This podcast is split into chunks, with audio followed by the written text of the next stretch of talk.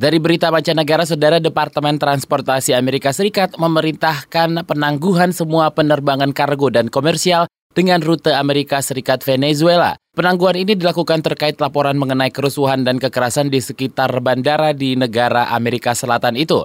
Dalam surat permintaan penangguhan yang dilayangkan kepada Departemen Transportasi, Departemen Keamanan Dalam Negeri mengatakan situasi di Venezuela mengancam keselamatan dan keamanan penumpang, pesawat, dan kru yang hendak masuk atau meninggalkan negara tersebut. Hingga saat ini banyak bandara internasional yang menghentikan penerbangan ke Venezuela lantaran masalah keamanan dan perselisihan mengenai uang yang menurut mereka pemerintah berutang kepadanya.